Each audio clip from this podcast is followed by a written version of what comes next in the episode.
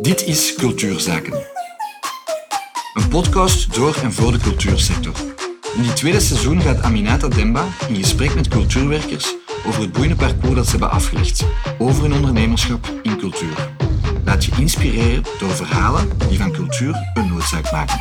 Bij mij aan tafel vandaag uh, onze mooie gast Serine Ayari. Ze is comedienne, actrice en uh, ook vaak te zien bij De Slimste Mens. Welkom, Serine. Dankjewel. Aminata. Blij jou hier aan tafel te hebben. Ik ook super blij om je eens terug te zien. Yes. Uh, we zullen er meteen invliegen. je had heel snel al de ambitie om comedienne te worden. hoe neemt een Serine Ayari de eerste stap om haar droom waar te maken? Ja, ik denk de eerste stap voor stand-up is gewoon inschrijven op een, uh, op een open mic. Want ja, je moet het wel spelen. Je kunt grappig zijn voor vrienden, maar je moet ook grappig zijn voor strangers.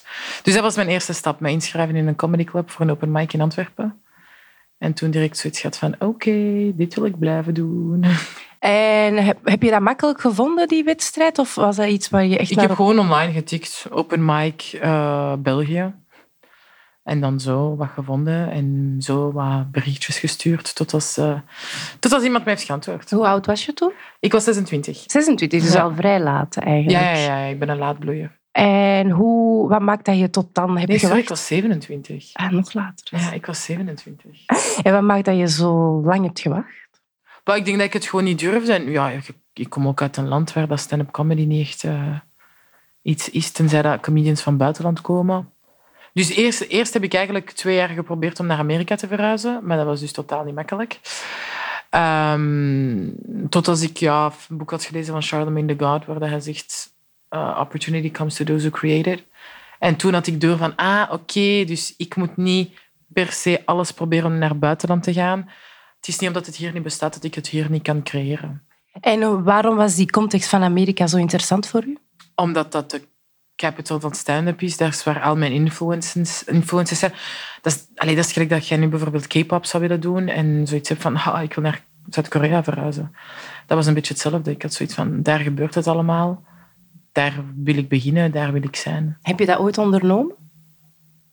Ja, ik heb heel lang geprobeerd, maar green card en zo is... Uh, it's not an easy country to get in. Nee, maar je, je hebt wel getracht om... Uh, ja. ja. Ja, ik heb vaak geprobeerd. Ik heb ja, van alles geprobeerd. Met opleidingen. Ik heb geprobeerd om... Maar ja, dat zijn dan ja, opleidingen had ik geprobeerd. Ik had geprobeerd om werk te vinden. Maar dat gaat zo maar niet eigenlijk in de Verenigde Staten. Um, ik had ook geprobeerd om te trouwen met iemand. Um, zo online zo. Mail order bride. Even, maar dat heeft echt zo één dag geduurd en dat zat daar wel met creeps. Dus ik had zoiets van, I'm not that desperate. En wanneer is dan die klik gekomen om te, te ja, om te bedenken van oké, ik moet die opportuniteit gewoon hier in deze context België creëren? Ja, ik, ik, was hier gewoon echt niet gelukkig in de jobs die ik deed en ik vond mijn weg maar niet en ik zag iedereen zo wat onder... Ik zag iedereen zo rond mij zo... Was zo de next steps after 25 gaan en ik zat nog vast en ik was nog heel ongelukkig en ja, en ik denk dat mijn moeder is dan ook ziek geworden. Um, die heeft dan kanker gehad. En dat, dat, dat, was voor mij echt zo de klik van... We gaan one life. En wat was die klik? Ja, die klik was gewoon mijn moeder die ziek is. En dat ik zoiets heb van... En dat die echt zo besefte van... mij die heeft heel haar leven gewoon heel veel opzij gezet voor haar gezin, voor de kinderen, voor haar man. Um, voor society ook. En dat ik zoiets had van, hmm, zij heeft niet al die sacrifices gemaakt, zodat ik die ook zou maken. En dan heb je echt besloten van, ik ga voor wat mijn passie is. Ik ga het gewoon proberen. Ik wist nog niet hoe, in hoever dat dan passie ging zijn. Maar ik had altijd wel een beeld van mij op podium. Ik zag mijn eigen in de toekomst altijd op het podium. Ik kon altijd visualizen. En ik had echt zoiets van, ik ga stoppen met te denken dat ooit eens iemand aan mijn deur gaat komen kloppen om te zeggen van, hey, dat gaan we met jou doen. En ben het gewoon zelf gaan opzoeken. En wat was dat dan? Wat ben je gaan opzoeken? En voor open mics. How to start stand-up comedy en zo. En zo online zo wat video's gevonden. Van de field leren eigenlijk. Exact, ja. En wanneer wist je dat het wel je passie was? Na mijn eerste open mic. Dan had ik zoiets van, oké, dit wil ik blijven doen. Ik was zo op mijn gemak op podium. Allee, ik stresseerde wel, want het was mijn eerste keer, maar ik heb er zoveel uit gehaald dat ik echt zoiets had van, oh, this is difficult dat gaat echt niet makkelijk zijn, maar dit is echt wat ik wil doen. En dan heb je die eerste ervaring, je voelt van oké, dit is mijn passie, dit is mijn weg, dit is de weg die ik moet bewandelen. Maar dan nog, hè, uh, comedy maken en comedy brengen is een vak op zich. Hoe, uh, eh, ja, hoe school je jezelf? Maar dat is zo het leuke een beetje aan stand-up. Is dat er zijn heel veel scholen, er zijn heel veel mensen die gaan zeggen hoe dat je het moet doen. Maar uiteindelijk moet je gewoon het publiek overtuigen. Allee, ons receipts zijn op on stage. Dus ehm, in het begin zocht ik zo'n beetje van hoe doe je dat en online. En dat je zo van die comedians of je kon zo blogs vinden waar dat je dan zo leerde hoe dat je een joke moest schrijven en zo. Um, dat ben ik even gaan opzoeken tot als ik zo zelf een beetje mijn ritme vond en vond van hoe ik dingen kon vertellen en, en dan zo.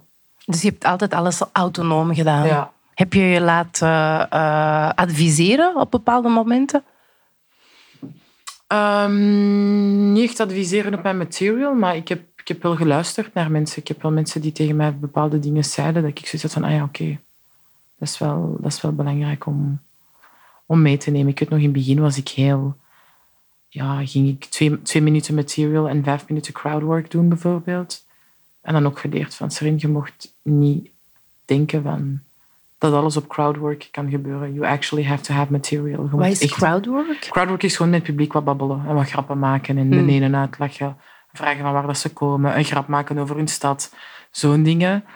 Um, dat werkt wel, but it's lazy. Hmm. Is dat, uh, is, en lag daar uw grootste kracht? Ja, ja, dat was wel iets waar dat ik me keihard op mijn gemak bij voelde bij crowdwork.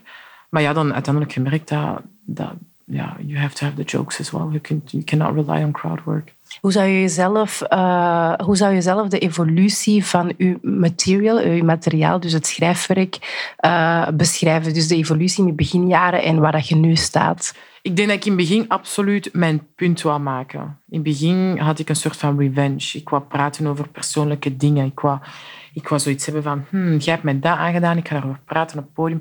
I was, ik was gewoon heel revengeful. En, en ik heb ook soms te snel over iets gebabbeld terwijl ik er nog niet over was. The story was too sad to make jokes about it.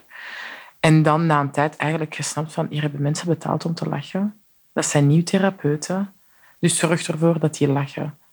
En dat is echt het belangrijkste dat ik vind bij stand-up. Is dat een fundamentele klik geweest? Uh, het besef dat je een publiek hebt en dat je je publiek eigenlijk ook aan u, u moet binden? Uw naam en uw werk? Ja, dat was voor mij echt een klik. Dat was een klik toen ik ooit eens um, speelde in Brussel. Ik deed gewoon zo'n kleine gig. En er was een gezin met twee kinderen en die kwamen van Luik. Die waren speciaal naar, naar Brussel gereden om mij te zien, omdat die hun dochters mij keihard wilden zien. Dat waren zo twee tieners. En dat die echt zo... En dan zei dat meisje van, ja, dat is wat ik heb gevraagd voor mijn verjaardag. Ik zo, echt? En zo, ja, ik heb gevraagd aan mijn voor mijn verjaardag, maar mijn ouders zeiden dat het een beetje duur was. Maar ik had zo hard gesmeekt dat ze zoiets hadden van, oké, voor uw verjaardag gaan we Serin zien. En de tickets waren toen aan 10 euro. En ik had zoiets van, oh my god. Ik heb de tickets dan zo cheap gedaan en toch ben ik een verjaardagscadeau. En toen had ik echt wel het besef van, jij moet mensen echt geven wat, what they paid for. En, en je moet echt, you have to deliver. Je weet niet hoe moeilijk dat het soms is voor mensen om naar u te komen. Je weet niet wat voor een dag dat ze hebben gehad. You don't know their background. You just know that, dat die naar u komen en dat die willen lachen. En dan moet je dat geven. Ben je dan ook strategisch bezig met publieksbinding? Dus een publieksopbouw, dus uh, ervoor nee, zorgen dat... dat... Nee, nooit? Nee. nee, ik ben wel altijd vriendelijk en zo met mijn publiek. En ik probeer altijd wel zo ja, heel close te zijn met het publiek. Maar dat is niet dat ik mij opzet toe. Dat is gewoon iets dat natuurlijk gebeurt. Maar ben je niet afhankelijk van je publiek? Want als zij niet meer komen, dan... Ja, ja, ja, ja dat zeker. Natuurlijk ja. ben ik afhankelijk van mijn publiek. Maar het is niet dat je, dat als, uh, dat je daar strategisch mee omgaat. Strategisch, dat klinkt zo... Ja, ik weet het. nee, niet echt. Ik zorg er gewoon voor dat die een goede avond hebben. Als dat mijn strategie is, ja, ja. dan zal dat het zijn. Maar ik zorg er echt gewoon voor dat die een goede avond hebben, dat die, dat die gelukkig naar huis gaan en zo. En op sociale media? Sociale media heb ik het er een beetje moeilijker mee. Maar dat is gewoon omdat ik zelf heel slecht ben met antwoorden van berichten en zo. Dus ik antwoord gewoon echt amper op berichten. Maar dat is ook zo met die berichten die ik krijg van mijn vrienden. Van, ik ben daar gewoon niet zoveel mee bezig. Ik post wat ik moet posten. En, maar ik ben niet bezig met constant met mensen te babbelen en zo.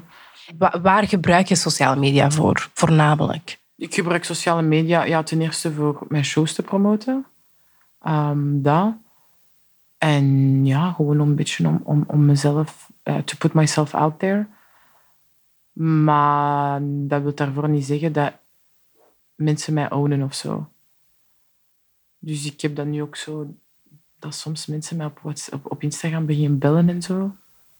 Nee, dat gaat echt niet gebeuren. Allee. Dus je zet het echt voornamelijk in als tool, als Ja, marketingtool eigenlijk, om jezelf hè, en je werk te promoten. Maar verder eh, heeft dat niet een andere functie voor u.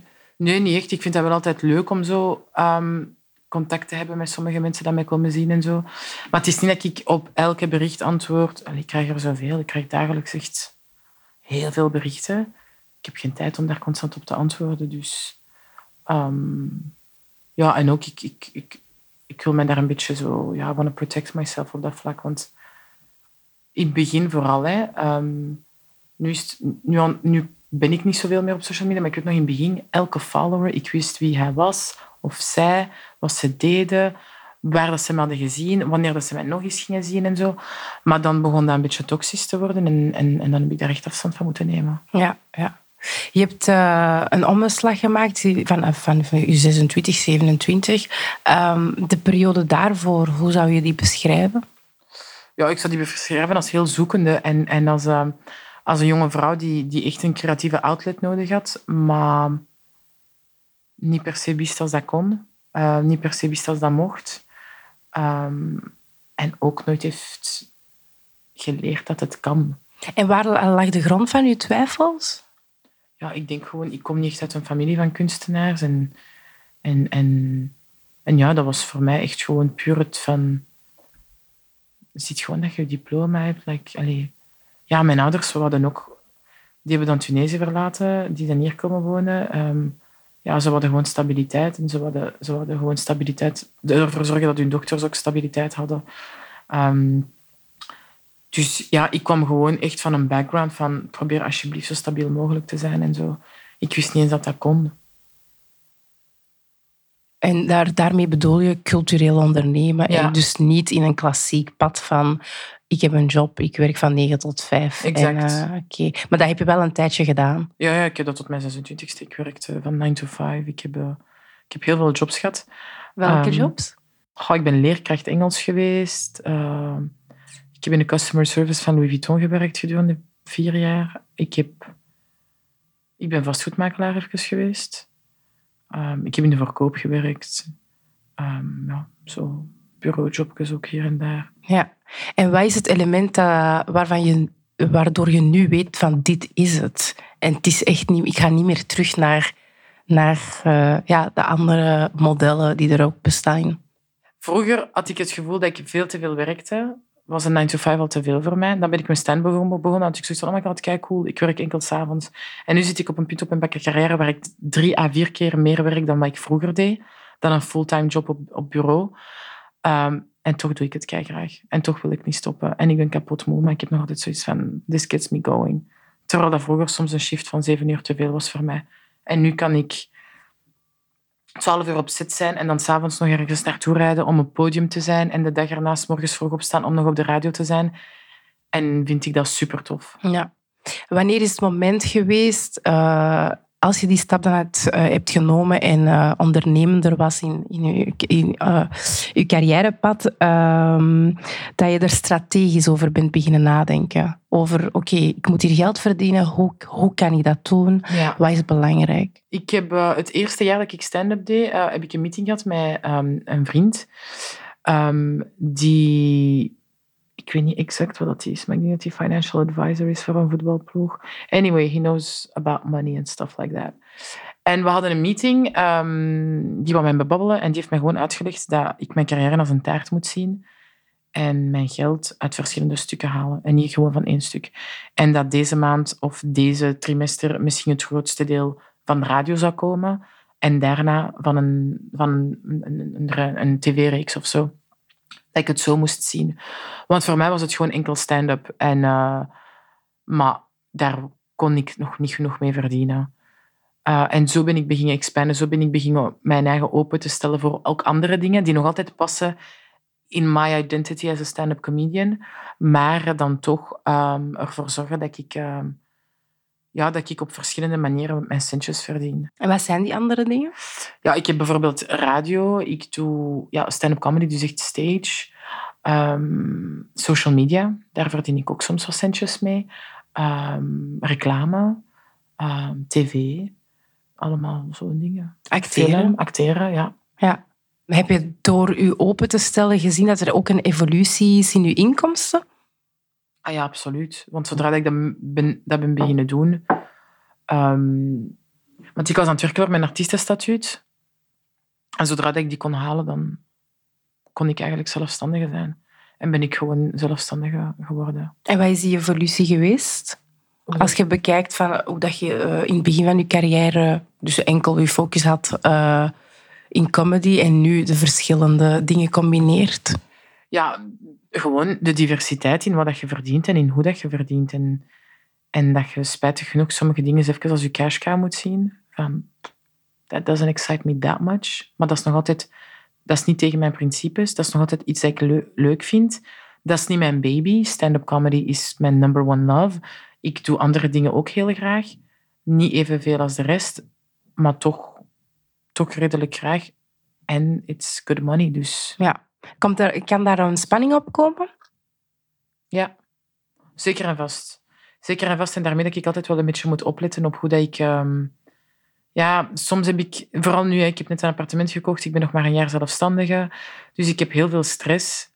ehm, financiële stress. En dan voel ik soms van... Oké, ik heb even gewoon te veel werk aangenomen. Mm. Ehm I'm not Beyoncé.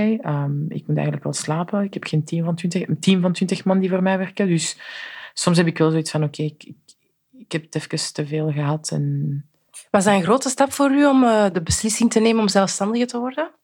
Ja, ja, ja ik had daar super veel bang van. Waarom? Ja, gewoon omdat dat vooral, ik heb dat gedaan eh, tijdens de tweede lockdown. Dus dat was echt niet zo. Allee, dat was, dat was de worst period voor de culturele sector. Dus net na de tweede lockdown ben ik zelfstandig beginnen worden. Dus ja, iedereen, iedereen verklaarde mij zot. Maar ik had echt zoiets van: ik wil eigen projecten maken. Ik, wil, ik, wil, ik heb kosten die je in je artiestenstatuut niet zomaar kunt binnenbrengen. Ik zit heel veel op de baan. En daar waren gewoon veel dingen dat ik zoiets had van, ik ga het gewoon doen.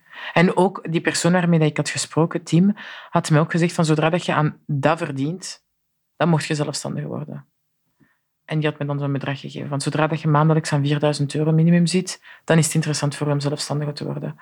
Dus zodra dat ik er zat, had ik zoiets van, oké, ik ga het gewoon doen. Ja, had je dat vertrouwen? Zijt je, heb je het gevoel dat je wel moet blijven adviseren op financieel vlak om gemoedsrust te hebben gewoon ook? Ja. Ja, absoluut. En vooral ook, ik ken het niet. allee, financially ben ik echt nul. Hè. Ik, allee, ik ken al die dingen niet, ik ken al die trucjes niet. Als ik bij mijn boekhouder zit, die spreekt gewoon Chinees voor mij. Ik snap echt niks van wat hij zegt. En, en dat hij soms mij belt van, hey, kun je nog eens een kost maken van dit en dat? Ik heb van, waarom willen jullie dat? Ik snap het echt niet. Maar dus daarmee dat ik het wel ja, belangrijk vind om, om de juiste advies te krijgen van de juiste mensen rondom mij. En eh, als je zegt de juiste mensen rondom u, wat is belangrijk bijvoorbeeld aan een boekhouder? Ehm, ja, een boekhouder gaat u zeggen wat wel en wat mag en wat niet mag. En stomme dingen dat je, dat je gaat zoiets hebben van, dat kun je eigenlijk binnenbrengen. Hè. Ik heb bijvoorbeeld mijn eerste jaar mijn telefoonabonnement niet binnengebracht. Hm. En had zoiets van, jawel, jij kunt dat binnenbrengen, dat zijn kosten. Zo van die dingen dat ik zoiets had van, ah ja, oké, er is van alles dat ik eigenlijk op naam van het bedrijf kan zetten. Ja. En, ehm, en dat wist ik ook niet. En ook, weet je, in het begin, ik, ik, ik zat... Mijn... Er zijn mensen hier in de culturele sector die met shady, loesje zaken bezig zijn. Die altijd proberen om hè, zo van die ways te vinden. En ik had altijd zoiets van, oh, dat, daar wil ik echt niet mee beginnen. Ik vond, ik vond het belangrijk om echt naar mensen te luisteren die daar echt wel de juiste background voor hadden. Geeft dat u vrijheid in eh, projecten die je wilt aangaan of geeft dat u net druk? Nee, dat geeft me wel de vrijheid. En ik vind dat wel nu nog niet, want ik, ik ben daar nog niet. En ik zit nu nog echt in de fase van... Oké, I'm making money, so I'm saving money right now. Maar ik, ik ga wel heel blij zijn de dag dat ik echt met mijn eigen projecten kan beginnen. Ja. Is dat belangrijk voor u? Ja, ik heb wel, ik heb wel ideeën en ik heb wel dingen die ik wil doen. En, en ja, ik, ik durfde al niet te dromen van, van te zijn waar ik nu ben met mijn comedy. Maar ik, en het is, het is me gelukt, dus nu heb ik zoiets van, oké, what's next? Je werkt ook samen met management. Wanneer is voor u, eh, wanneer ben je beginnen voelen van ik moet het hier anders aanpakken en mij verbinden aan iemand Ik werk niet met een manager, ik werk met een uh, digital assistant. Uh, wat de is collab. Um, ja, dat is een meisje dat ik een jaar of een jaar en een half of zo um, geleden heb ontmoet. Um, ik, ik zocht gewoon iemand die mijn mails kon doen, die mijn facturen kon doen en die drietalig was. Dat was the only requirement. En dan had ik iemand gevonden die dat wel wou doen, die dat heel goed deed, die keigoed in organisaties en die nu ook haar eigen bedrijf heeft gestart met haar zus, de Collab heet dat.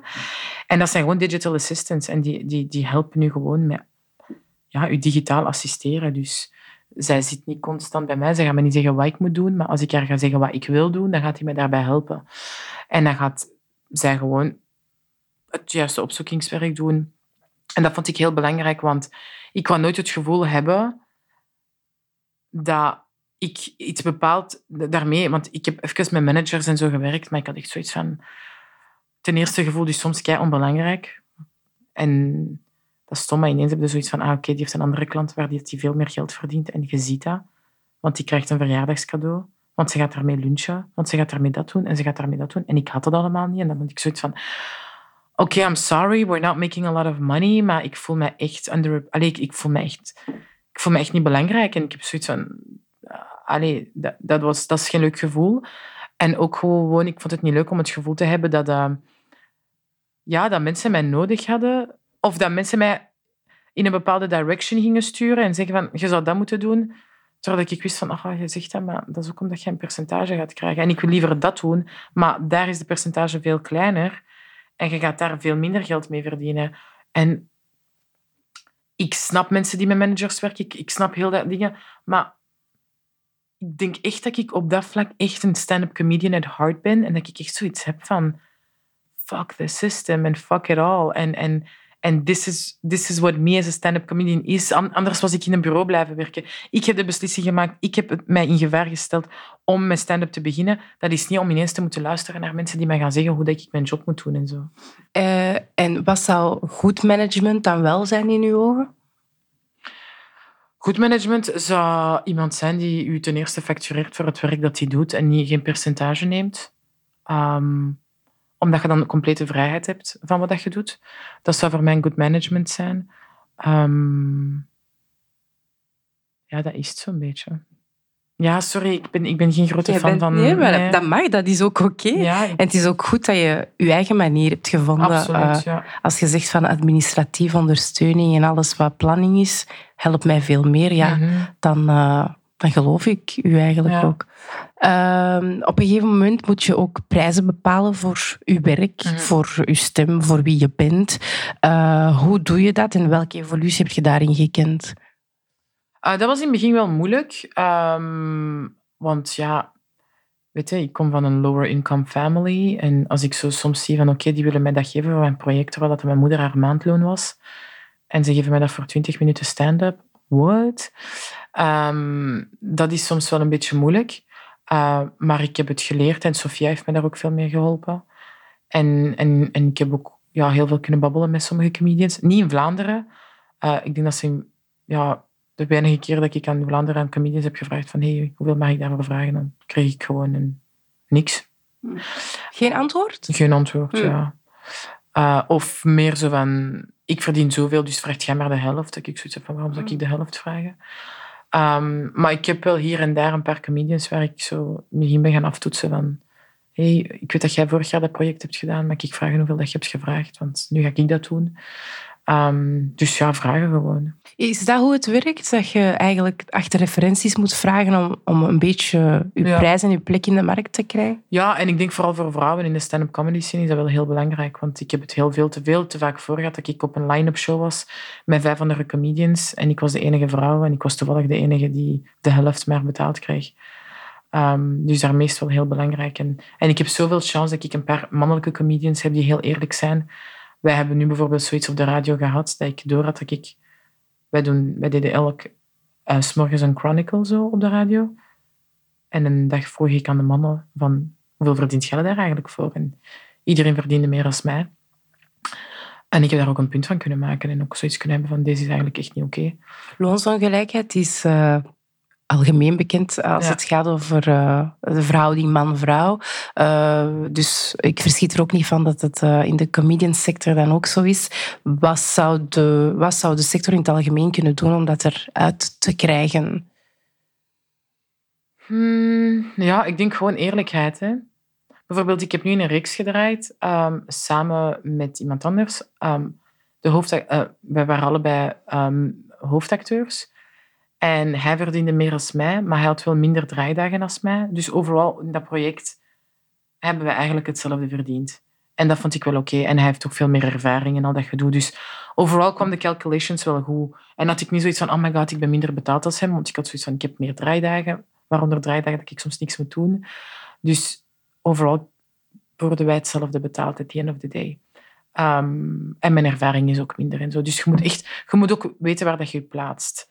Ehm, ik heb ook onlangs bijvoorbeeld iets gedaan eh, voor een bedrijf en ze betalen elk jaar, vragen ze aan een comedian om, om, om stand-up te doen. En alle, ze, betaalden, ze hadden mij betaald hetzelfde als de andere comedians dat ze jaarlijks betalen.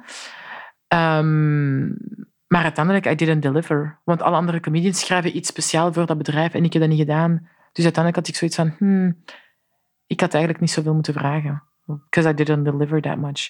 Dus ik heb wel ook soms momenten dat ik zoiets heb van, oké, maar denk u, maar zoveel verdien ik eigenlijk niet. Ja, ja.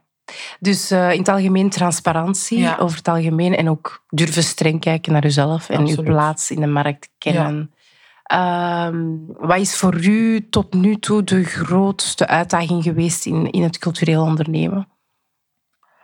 Ehm, ja, ik denk dat voor mij de grootste uitdaging eh, bij het cultureel ondernemen was het ondernemen. En het zoiets hebben van, I'm gonna make a business out of it. En ik ga soms moeten zeggen van, ik heb kei graag, maar deze is eigenlijk echt niet oké. En jij betaalt me eigenlijk echt niet genoeg. En we gaan het hierbij moeten stoppen. Ehm, en ik heb eigenlijk dit niet meer nodig. Dat is ook zoiets heel belangrijk. En dat is de fase waar ik zo nu in zit, dat soms heel moeilijk is. Dat ik eigenlijk aan sommige dingen waar ik vroeger altijd ja voor zei, nu nee voor moet zeggen. Want als ik vergelijk hoeveel tijd en hoeveel geld dat aan mij... Ja, dan... De, allee, de, les, les comptes sont pas bons. Mm. Dan merk je, want dat is echt veel te veel tijd dat je vraagt voor mij, voor zo weinig geld. Vroeger wou ik dat wel doen, maar nu, sorry, maar dat gaat gewoon niet. En zijn er andere aspecten naast eh, het geld die voor u ook eh, uitdagend zijn? Ehm, ja, uiteindelijk blijf ik altijd wel heel authentiek. Allee, heel true to myself. Dus ik heb nooit echt zo het gevoel dat ik iets heb gedaan dat ik niet wou doen of zo. Ehm, Is dat iets belangrijk in cultureel ondernemen? Ja, dat is denk ik wel belangrijk. Vooral bijvoorbeeld nu. Hè, ik krijg heel veel social media deals. En in het begin was dat van, oh my god, die willen mij gratis shampoo sturen. Yes! Terwijl dat ik nu zoiets heb van, ja, dat product interesseert mij eigenlijk niet. Dus we gaan nee zeggen. En ook al is dat nee zeggen aan geld. Ik wil ook niet dat mijn, mijn Instagram of zo gewoon één grote reclameblad wordt. Dus ik probeer enkel met merken te werken waar ik echt wel achter sta. Dat is nu stom, hè, maar ik had iemand had mij iets gevraagd van Monkey en ook H&M. En aan Monkey heb ik ja gezegd, aan H&M niet. En zo, dus ze maar allee, jong, dat is dezelfde groep. Ik zo, ja, maar H&M heeft alle plus-size ehm, departments van hun winkels weggehaald. Dus als je nu plus-size bent, kun je enkel online kopen. Ehm, en ik vind dat heel erg, want ik ben heel lang plus-size geweest. Ik ben nog altijd plus-size. Mijn moeder is plus-size. En ik vind dat een beetje niet oké dat wij ons moeten verstoppen om kleren te kopen. Dat wij niet zomaar in een winkel mogen binnenstappen. Ehm, dus ik sta daar niet achter. Ook al zijn jullie van dezelfde groep, wil ik wel met Monkey werken, maar niet met H&M. Zo van die dingen. Ja, dus doordachter eigenlijk beslissingen maken. Ja. Dat is ook een deel van eh, het ondernemen. Je eh, combineert verschillende carrières. Dus eh, en actrice en comedian en af en toe ook tv-host. Mhm. Ehm, hoe ervaar je dat? Ja, ik vind dat wel leuk, want uiteindelijk is dat nu een keigoede leerschool voor mij en ik leer heel veel bij. Ehm, ik vind die afwisseling ook superleuk. Ehm en ik doe dat ook dan ook nog en plus in verschillende talen. Dus ehm, dat is grappig. Allee, dat, is, dat is interessant om te zien. Dat is interessant om te zien van, ah ja, oké. Dus zo zit dat in Wallonië, zo zit dat in Vlaanderen, zo zit dat in Frankrijk, zo zit dat in Nederland. Dat is echt wel interessant om te zien. Ik ben echt iemand die, die heel veel interesse heeft in zo hoe dat mensen in elkaar zitten en culturen en talen en zo. Dus Dat is heel interessant. Ik leer superveel bij. Ja, je bent ook perfect uh, drietalig. Uh, je, je doet je werk ook drietalig. Is dat, voor, is dat iets dat je echt ziet als jouw unique selling point? Het feit dat je werk kan leveren in het Nederlands, in het Frans, in het Engels? Ik denk dat wel. Um, allee, ik merk dat ook. Hè. Ik, uh, toen ik met stand-up comedy ben begonnen, dan ben ik heel snel op een punt geraakt waar ik zoiets had van ah, oh, fuck, ik heb collega's van mij die keigoed zijn, maar die daar nog niet zijn. En dat was gewoon puur omdat ik overal kon spelen. En zoiets had van, ah, oké, in Vlaanderen is er nu even iets, niet, dat is niks, ik ga wel naar Liège of ik ga even naar Nederland of naar Parijs om te gaan spelen. Bijvoorbeeld tijdens de lockdown, hè, toen alle theaters en zo hier toe waren, dan was in Frankrijk alles open. Dan had ik gewoon zoiets van, oké, bye. En heb ik mijn spullen gepakt en ben ik in Parijs gaan spelen. Ah ja. Heb je echt ondernemend gewoon... Uh... Ja, ik had zoiets van, fuck it, ik wil spelen en hier is alles toe en dat blijft toe en de culturele sector blijft maar achter. En ik zie al mijn collega's in Parijs nog spelen. Um, dat was zo tussen de twee lockdowns. Mm -hmm. En ik had gewoon zoiets van, maar eigenlijk... Um, Welke taal levert jou het meeste op? Um, van which one feeds my soul of which one feeds my fridge? Allebei mag je beantwoorden. Fridge is momenteel toch wel Vlaanderen. Nederland? Ja, Nederlands. Niet per se met stand-up, maar gewoon in Vlaanderen in het algemeen verdien ik momenteel het meest geld. Um, Waaraan ligt dat? Dat ligt aan het feit dat er echt een heel grote gap is tussen projecten in Wallonië en projecten in Vlaanderen. Dat ligt aan het feit dat er echt een heel star system is in Vlaanderen dat er in Wallonië niet is. Dat er een heel investering is aan nieuwe ideeën, nieuwe projecten in Vlaanderen dat er in Wallonië niet is. En soms klaag ik een beetje over dingen in Vlaanderen. En dan heb ik zoiets van, oh, maar in Wallonië is het nog zoveel erger. Echt schandalig gewoon. Dat ik soms zoiets heb van, oh, ik ben zo blij dat ik toch nog Nederlands kan. En dat ik dat nog zo heb om... Dat ik wel naar een, een, een Nederlandse tv... Allez, um, uh, tv-post of iets kan gaan en zoiets hebben van, hé, hey, ik heb dat idee en zo. Ook al zeggen ze nee, ze gaan wel luisteren. In Wallonië moet je via, via, via een witte man gaan die heel oud is, die er niks van snapt. Um, en hij gaat misschien uw idee gaan verdedigen als hij daar zin in heeft. En welke taal uh, ligt u gewoon nauw aan het hart? Maar ik denk toch Engels uiteindelijk. Ja? ja. Dat is toch wel een taal dat ik... Ik speel heel graag in het Engels. En heb je daar een revenue van? Of een soort van return in invest? Ja, dat wel, dat wel. Nu een beetje minder, want ik heb zoveel werk hier. Ik heb geen tijd meer gehad om naar Londen of naar uh, New York te gaan. Um, maar dat is toch wel de taal waar ik het liefst in speel. Ja. Um, hoe zou je de spanning tussen het creatieve werk dat je moet doen en uh, de inspiratie die je moet opleveren om je creatief werk te blijven voeden en die verhouding met het zakelijke dat ook gewoon belangrijk is in je onderneming als uh, zelfstandige? Hire an assistant. Dat is voor mij echt hetgene geweest, zodra ik met Sofia ben beginnen werken, is... En eerst had ik zoiets van, oh, ik ga die moeten betalen. Ik vind dat zo raar dat ik iemand moet betalen. Maar ik heb uiteindelijk zoveel geld verdiend met haar. Omdat zij wel op tijd antwoordt aan de mails. Omdat zij wel op tijd de facturen maakt. Alle dingen die ik niet deed. Um, dus uiteindelijk had ik echt zoiets van, ik zag mijn paycheck en ik had zoiets van, oh, honey, mm-hmm. ik betaal je met plezier. Dus dat is echt het belangrijkste, denk ik. Pak iemand die niet per se echt kei into fame is en zo. En niet per se er constant wilt zijn. Niet bevriend wilt zijn met alle comedians. Dat kan haar niks schelen. Zij wil gewoon haar werk doen. Zij is gewoon super georganized en doet het zo. En wat doe je om uh, jezelf te blijven inspireren nog? En wel, dat is het leuke. Het feit dat ik, dat ik een, een, een digital assistant heb, zorgt ervoor dat ik wel nog dingen kan doen. En niet zoiets heb van, oh shit, guys, sorry, ik moet mijn boekhouding doen vanavond. Ik, ik kan niets gaan drinken. Nee. En, en ja, leven is voor mij het belangrijkste. Leven, tijd maken om te praten met mensen. Um, ja, gewoon echt leven, kijken naar mensen. Mensen, mensen, mensen, mensen. Dat is voor een stand-up comedian kei belangrijk. En, en voor mij ook gewoon kei belangrijk. Haal je daar het meeste inspiratie? Absoluut, ja. De dagdagelijkse dingen? Ja. ja. Even een babbelje slaan met iemand aan de kassa of, of met iemand op café of met je vrienden. Dat is voor mij echt uh, waar ik al mijn inspiratie toch uit haal. Waar zie je jezelf over vijf jaar? Hmm, dat weet ik niet. Over vijf jaar dan ben ik 36. Ja, misschien moet ik tegen dan wel een kindje hebben. Dat zou ik leuk vinden. Um, en misschien wel zo beginnen met mijn eigen projecten.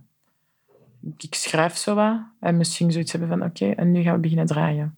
En zie je jezelf nog steeds uh, in dat cultureel ondernemerschap blijven? Ik denk dat wel, ja. En wat zijn dan de projecten die je graag wilt realiseren? Ik zou heel graag een reeks willen schrijven. Um, ja, ik wil, ik wil echt zo... Ja, sketchcomedy. Echt zo formats van 20 minuten. Grap, grap, grap. Zoiets zou ik heel graag... Um, en ben ik nu ook aan het schrijven, maar ik pak daar echt mijn tijd mee. Um, dat zou ik wel heel graag um, op beeld willen brengen. En ben je in dat proces ook nog op dit moment autonoom bezig? Of denk je wel aan, oké, okay, ik ga wel mensen nodig hebben om... Dat ja, ik ga sowieso mensen nodig hebben. Hè. Ik ga sowieso mensen nodig hebben, maar ik, haast mij niet, want ik wil dat dat heel natuurlijk gebeurt. Ja. Oké. Okay. Mm. Het was super fijn om je hierbij te hebben. Heb je er Dank zelf je. van genoten? Ja, ja, zeker. Alright. Heb jij nog iets dat je wilt meegeven? Wat zou je als tip geven aan iemand... Dat vraag ik altijd eigenlijk aan elke gast. Uh, iemand die twintig is, die de eerste stappen wilt nemen of die geïnspireerd geraakt door Mhm. u te zien van ja, wat, wat is het grootste advies dat je dan kan geven aan zo iemand? Ik zou als advies geven dat in kunst, in cultuur en zo niet echt een blueprint is, geen codes zijn. Dus maak je eigen codes en, en, en, en maak, maak echt een traject die past bij jou, die past bij je leven, die past bij je background.